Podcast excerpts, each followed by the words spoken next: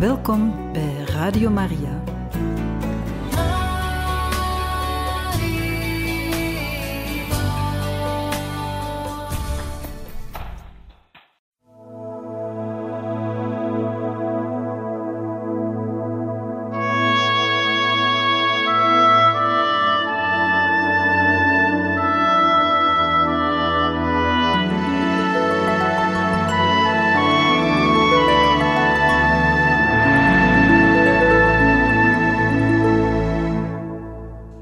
We waren gekomen aan hoofdstuk 21, waarin gezegd wordt dat Sint Philomena vernield werd door de storm.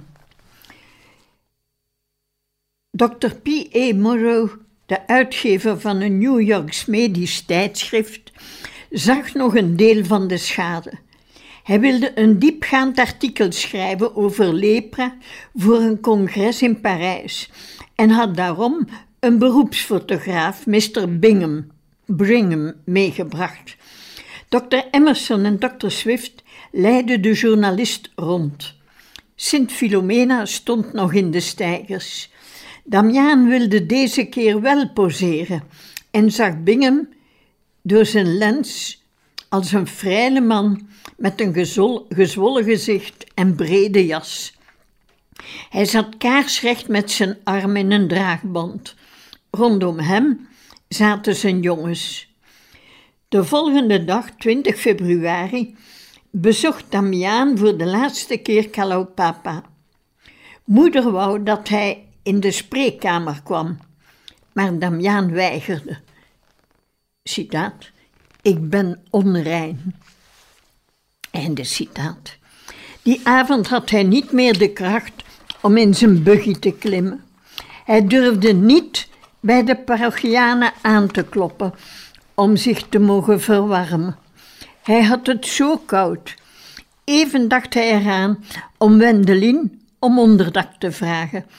Maar de Duitse priester was al zo depressief en hij mocht toch niet Melaatse in huis nemen.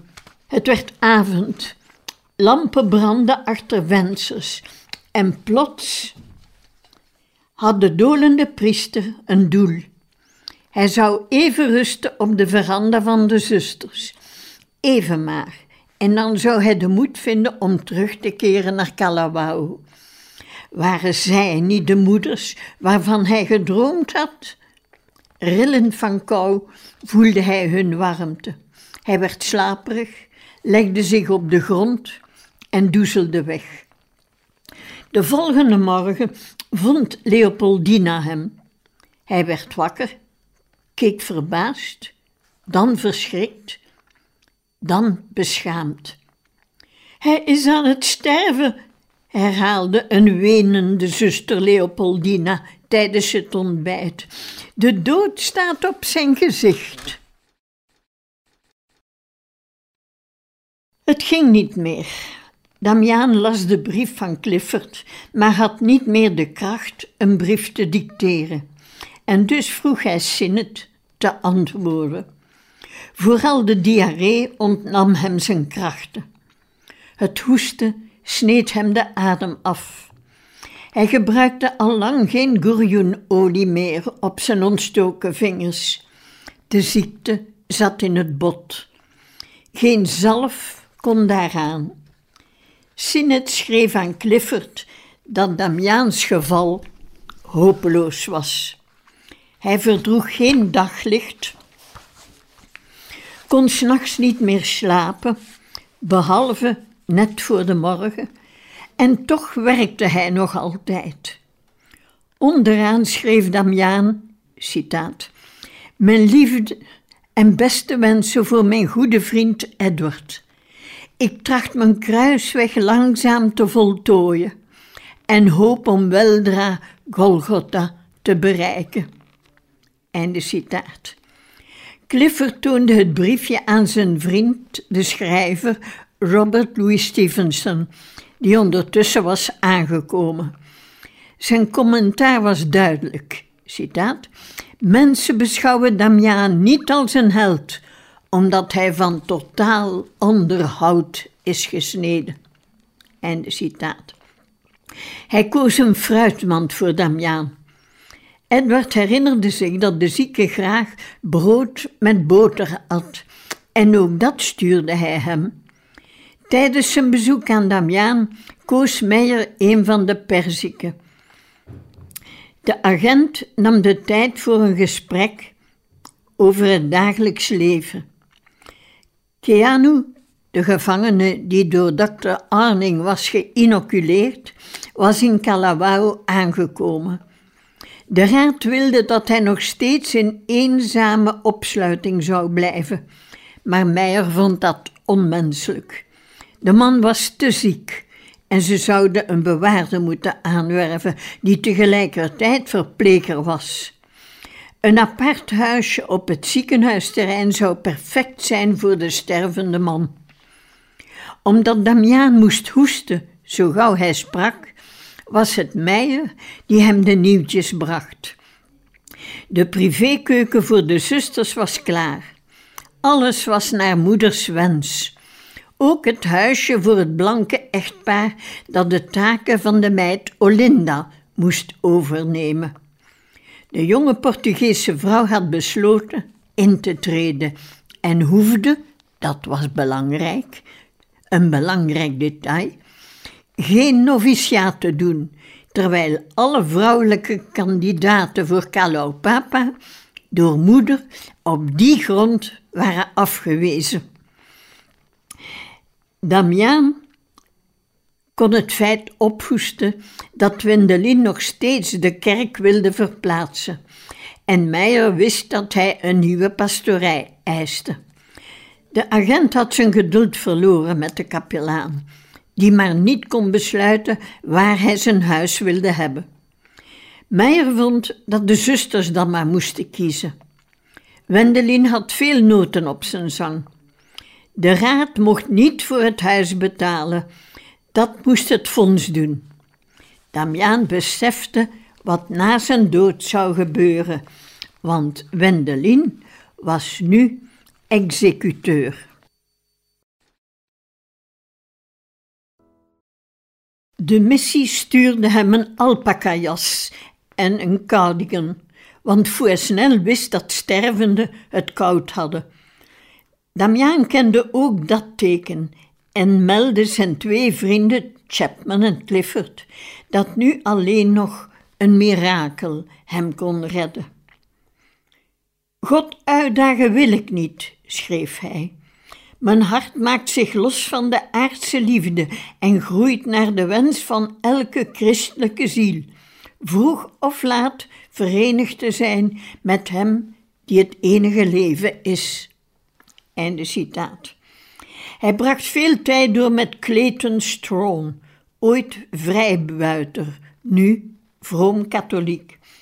Zijn ogen gesloten luisterde Damiaan naar de gedichten die zijn vroegere tegenstander voor hem reciteerde.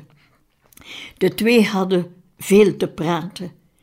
Clayton zuchtte vaak: Het is naar de botten. Ik ben een gewoon man, maar dit idee is er. Weet je, ik heb niets te doen en zit hier maar te denken. Jij kan tenminste nog zien. Ik zie dingen in mijn dromen. De toekomst is niet altijd mooi. Maar ik was een betere Luna dan jij.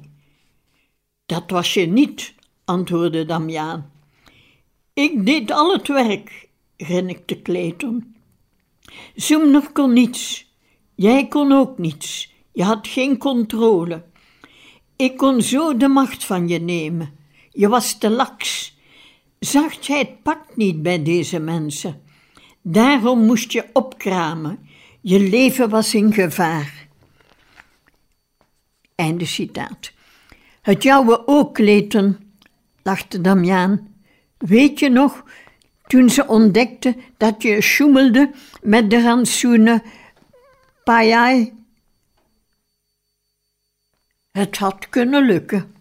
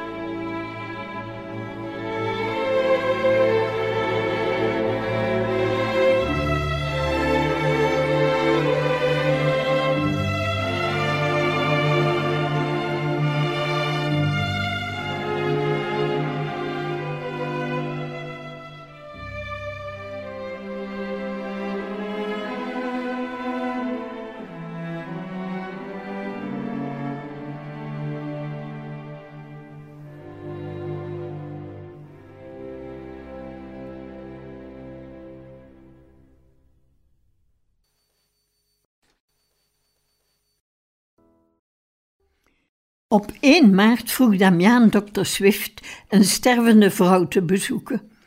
De volgende morgen, de, de volgende morgen voelde hij zich niet lekker. Zijn hand bloedde en druppels vielen op het papier. Hij veegde de vlek weg en liet een veeg na. De boodschap luidde: Geachte heer, kun je alsjeblieft komen? Ik ben bang dat er inwendige problemen zijn in de onderbuik. Je zou je zwakke vriend een dienst bewijzen. Jobo Puhomia heeft gisterenmorgen bloed opgegeven. Alsjeblieft, geef hem een minuutje van je tijd. Je vindt hem in het tweede huis na Jack Lewis. PS. In hetzelfde huis vind je de stervende vrouw waarover ik het gisterenavond had. Einde citaat. Hij legde zijn pen neer, want zijn laatste brief had hem uitgeput. Fouesnel vreesde dat het misliep, want Damiaan schreef niet meer en Wendelin had hem meegedeeld dat hij sterk achteruit ging. Hij stuurde hem sinaasappels en citroenen en een vat Australische wijn. 175 flessen zouden hem een hele tijd voorthelpen. Hij schreef er een nota bij waarin hij zijn medeleven uitdrukte. Het ziet er naar uit dat je een vreselijk einde wacht, wanneer je geen mis meer zal kunnen lezen of brevieren, of die handenarbeid die je zo graag doet. Een leven vol beperkingen moet moeilijk zijn voor een actief man als jij. Einde citaat. Monseigneur had ook Wendelins brief gelezen en ook hij maakte zich zorgen, maar dan wel over het testament. Damiaan moest een nieuwe versie maken. Dat betekende extra werk voor de bisschop, maar het zou een betere garantie geven. Damiaan moest alleen maar tekenen. Kukkeman schreef, citaat, Zolang je leeft wil ik niet aan je geld komen en ik zal je om niets vragen.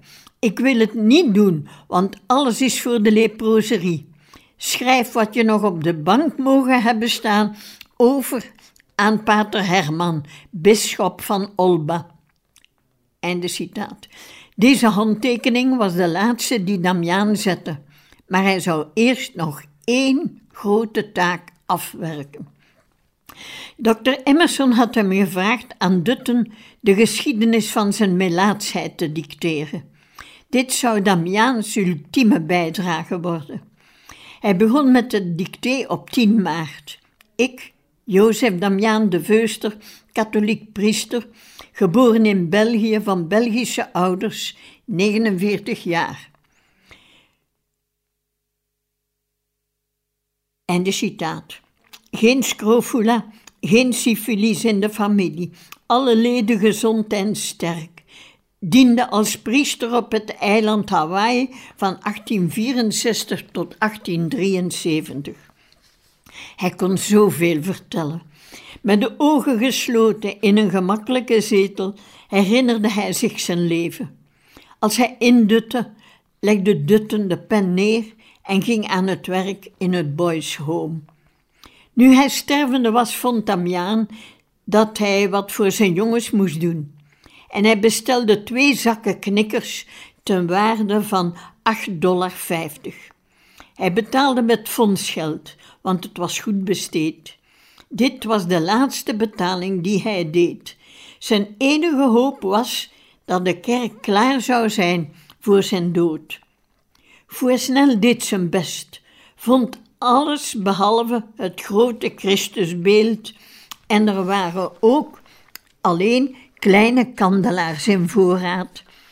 De Pikpuszusters waren een baarkleed aan het borduren, maar zouden misschien niet klaarkomen met het communielinnen.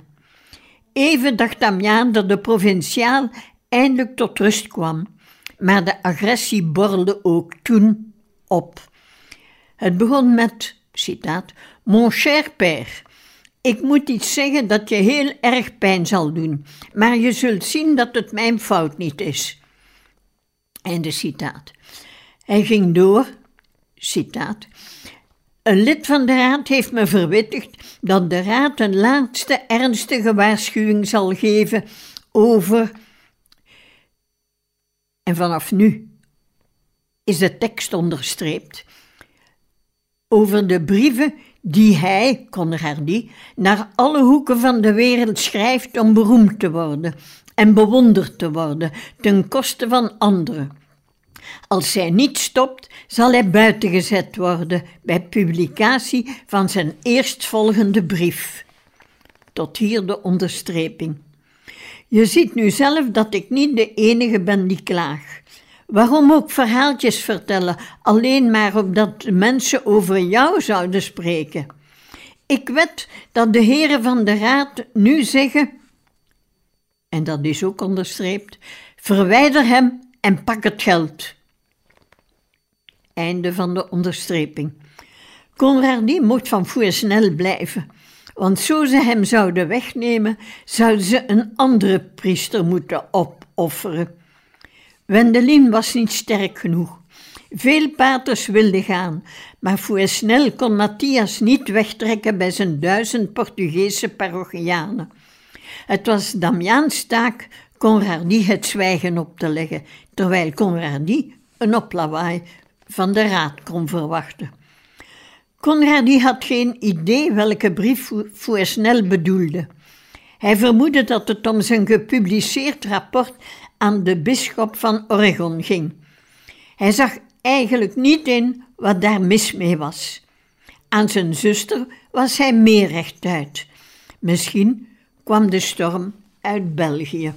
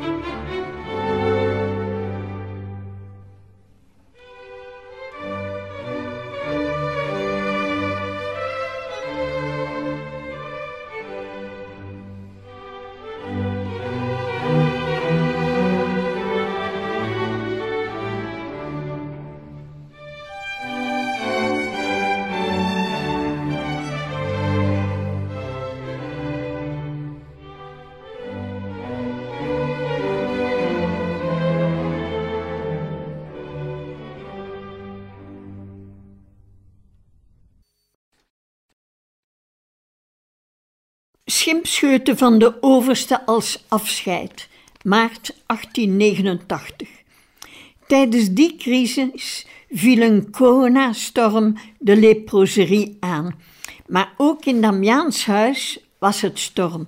Hij voelde zich diep gekwetst toen ook zijn vriend Meijer zich tegen hem keerde nadat hij het bewuste artikel had gelezen dat in Birmingham bleek gepubliceerd te zijn.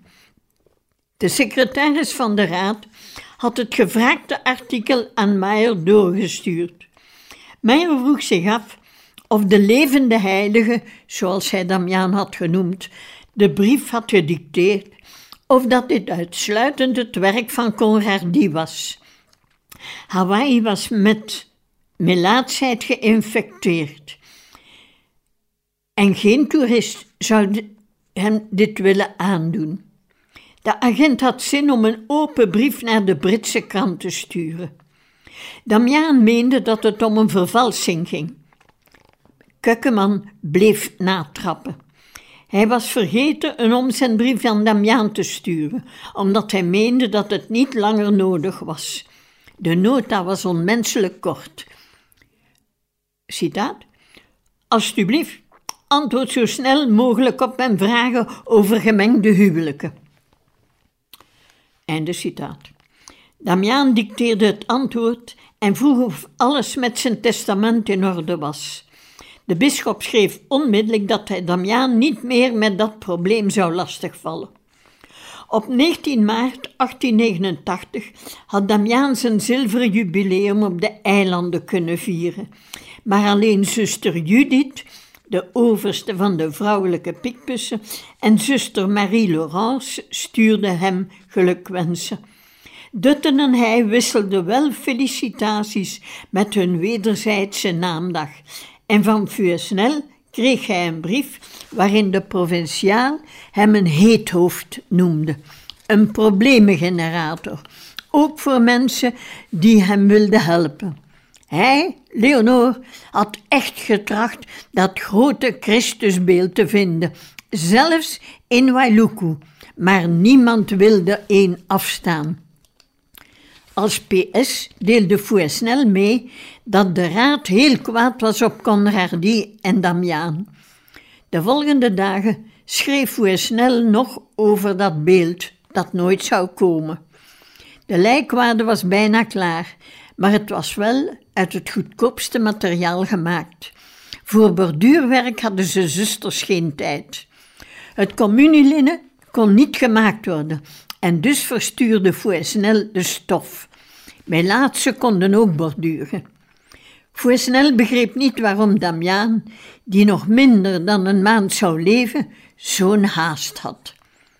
Tijdens zijn volgende bezoek toonde Meijer Conradi het krantenartikel dat zoveel stof had doen opwaaien. Ze analyseerden samen de inhoud en besloten dat het een compilatie was van de brief dat hij naar Monseigneur Gros had gestuurd en van gegevens uit het boek van Stoddard. Er zat nog een schep fantasie bij. Meijer geloofde Conradi en sloot de zaak op voorwaarde dat de luikenaar voortaan voorzichtiger zou zijn. Nu de vrede teruggekeerd was, konden de twee vrienden weer samenzitten. Meijer vertelde dat zijn jongens een beeld van de Hawaïaanse god Kane hadden gevonden. Hij had plaaster besteld om er een afgietsel van te maken. De baby van leraar Eli Crawford was gestorven en nu wilde de raad de blanke man wegsturen. Hij had net een gesprek gehad met de melaatse ouders van niet-melaatse kinderen, maar had hen niet kunnen overtuigen hun kinderen naar Kakako te laten overbrengen. Er waren problemen geweest met het landen van de Payai, terwijl het eten voor de blanken helemaal niet aan wal was geraakt. Tijdens het gesprek observeerde Meijer zijn vriend en vond dat hij er beter uitzag, nu de ziekte naar binnen sloeg. De wonden droogden op en hij hoestte minder. Hij wist dat Damiaan berustte in de dood, want ettelijke malen riep hij uit, citaat, ik ben zo gelukkig dat ik Pasen in de hemel kan vieren. Einde citaat.